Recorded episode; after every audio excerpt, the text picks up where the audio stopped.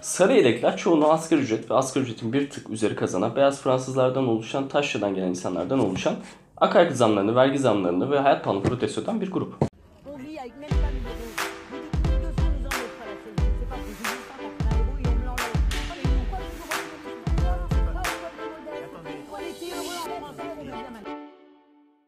Yani olayların Fransa'da gerçekleştiğini biliyoruz. Hı hı. Ee, odağında da Paris var yanlış bilmiyorsam. Evet. Ee, kaç kişi katıldı? Nasıl bir şey var? Abi bu olay daha öncesinde taşralarda başladı. Paris'in çeperi de bu taşralara girebilir. Taşra derken aklımıza köy gelmesin. Daha böyle şehrin çeperinde dışında Bağcılar gibi yerlerde yaşayan insanlar gibi görebiliriz. E, Toulouse'da, Marsilya'da, Bordeaux'da ve işte Lyon'da büyük eylemler oluşmaya başladı. Ve en sonunda 17 Kasım'da Paris'in Şanzelize Caddesi'nde 300 bin kişinin katıldığı büyük bir eyleme dönüştü. Peki neden sarı yelek giyiyorlar? Sarı yelek her araçta zorunlu olarak bulunması gereken bir ekipman, kıyafet, gösterge diyebiliriz. Bu ekipman ne zaman giyiliyor? Bir kaza durumunda, bir acil durumda giyiliyor. İnsanlar da bunu sembolik olarak bir kaza durumuna, bir acil duruma benzetmeye çalışıyorlar. Ee, peki bu acil durumu başlatan, böyle ilk fitili yakan bir olay var mı spesifik olarak? Yani şöyle bir olay var. 18 Ekim'de bir kadın video çekti. Bu videoyu Facebook üzerinden yayınladı ve şunu dedi videoda. O kadar vergi veriyoruz. Bu vergiden nerelere gidiyor? Yeter yahu dedi. Ondan sonra da 6 milyon kişi tarafından bu video izlendi. Devamında da bir tır şoförü şunu dedi. E, Fransa'yı bloke edelim dedi. E, kavşaklar işte viyadükler vesaireler kapatılmaya başlandı. Yani bu olaylar bir kitlesel eyleme dönüştü Tabii. bir süre sonra.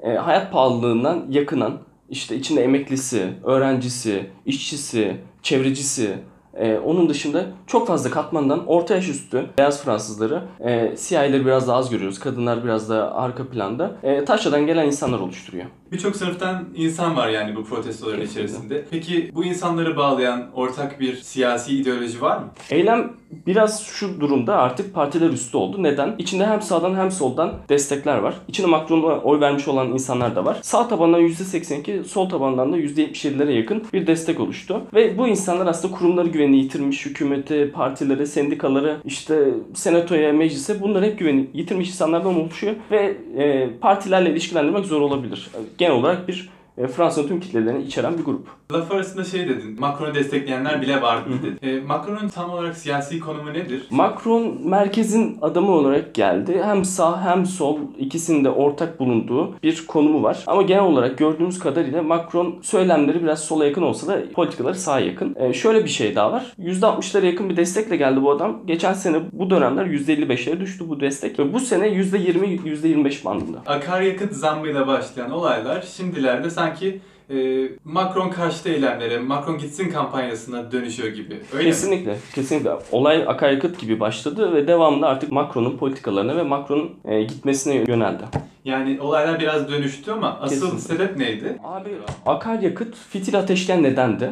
Ama bunun yanında temel iki problem daha var. Hayat pahalı ve adaletsizlik. Adaletsizlik şu. Fransa hükümeti tüm vergileri alt sınıflara yöneliyor, yöneltiyor ve üst sınıflara vergi indirimleri, vergi affları, servet vergisi affı gibi politikaları var. Bunun yanında şu da var. Emeklilerin e, mesela maaşlarını enflasyon endeksli olmaktan çıkarıyor. Yeni iş yasası getiriyor. Tazminat haklarını buduyor. Onun dışında işten çıkarmaları kolaylaştırıyor e, gibi. Bir de diğer bir boyutu var. Diğer boyutu şu. Bu olayda taşra çok önemli. Neden önemli taşra? Taşra son 40 senede kapitalizmin işte küreselleşmenin getirdiği nedenlerden ötürü e, firmalar fabrikalarını kapatıyor taşradaki ve bu fabrikaları yurt dışına veya başka lokasyonlara Macaristan'a falan götürüyorlar. Burada da fabrikalar kapanınca artık kamusal hizmetleri de devlet kesiyor. E, kamusal hizmetleri kesmeye başladığında da işte sağlıktır, postanedir, eğitimdir. İnsanlar bunlara ulaşabilmesi için e, araç eli ayağı oluyor insanların. Sen benzine koyduğun ekstra vergiyle insanların elini ayağını kesiyorsun. O yüzden insanları bu artık yaşanılamaz geliyor ve sokaklara itiyor. Yani şimdi sen çok vahim bir tablo çizdin aslında bize. Peki hiçbir talebi olmadı mı insanların ya da bu taleplere karşı somut adımlar atılmadı mı? Yani şöyle talepleri kesinlikle oldu. 30 bin insanın bir araya geldiği bir anket oluşturuldu. Bu ankette de 42 tane talep listelediler. İçinde asgari ücretin arttırılması, emeklilerin maaşlarının arttırılması, işte göçmenlerin mültecilere daha iyi olanakların sağlanması, çevre vergisinin işte üst kesimlerden kesilmesi. Yani 42 tane talep var bu insanların sunduğu. Bu taleplere karşılık cevap verildi mi? Macron 10 milyar dolarlık bir paket sunacağını 10 Aralık'ta ifade etti ve bu paketin içinde 3-4 tanesini karşılıyor. Asgari ücreti 100 euro olarak arttırmayı düşünüyor. E, Bunlar sunuldu. Bu olaylar nereye gidiyor? Hala niye devam ediyor? Ve sen senin öngörün nedir? Abi Fransa'da şu zamana kadar hiçbir başkan istifa ederek gitmedi. Bu belki ilki olabilir. Macron eğer bu politikalarıyla zengini popoplayıp e, fakiri döverse muhtemelen şu an %20 olan şey daha da düşebilir. Düşecek gibi de duruyor. O yüzden Macron'un geleceği çok güzel durmuyor. Ya bu politikalardan vazgeçecek ya da daha fazlasını yapıp artık istifa etmesi gerekecek. Diğer bir açıdan da sokağa çıkan insanlara baktığımızda şu var. İnsanlar hem sağ hem sol partilerden geliyor. Aşırı sağ aşırı sollardan geliyor. Bu aşırı dediğimizde %60'lık bir grup ve bu grup Avrupa Birliği karşıtı. Yani bir e, Frexit tarzı bir iş görebiliriz ilerleyen zamanlarda. Brexit, Frexit yani bu olay AB geneline yayılır mı? Yani Avrupa Birliği'nde şu an görünen o ki zaten dünyada bir ekonomik durgunluk var. Avrupa Birliği'nde de bir ekonomik durgunluk var. Fransa %0.4 büyüme olarak 0.4 büyümesi bekleniyor.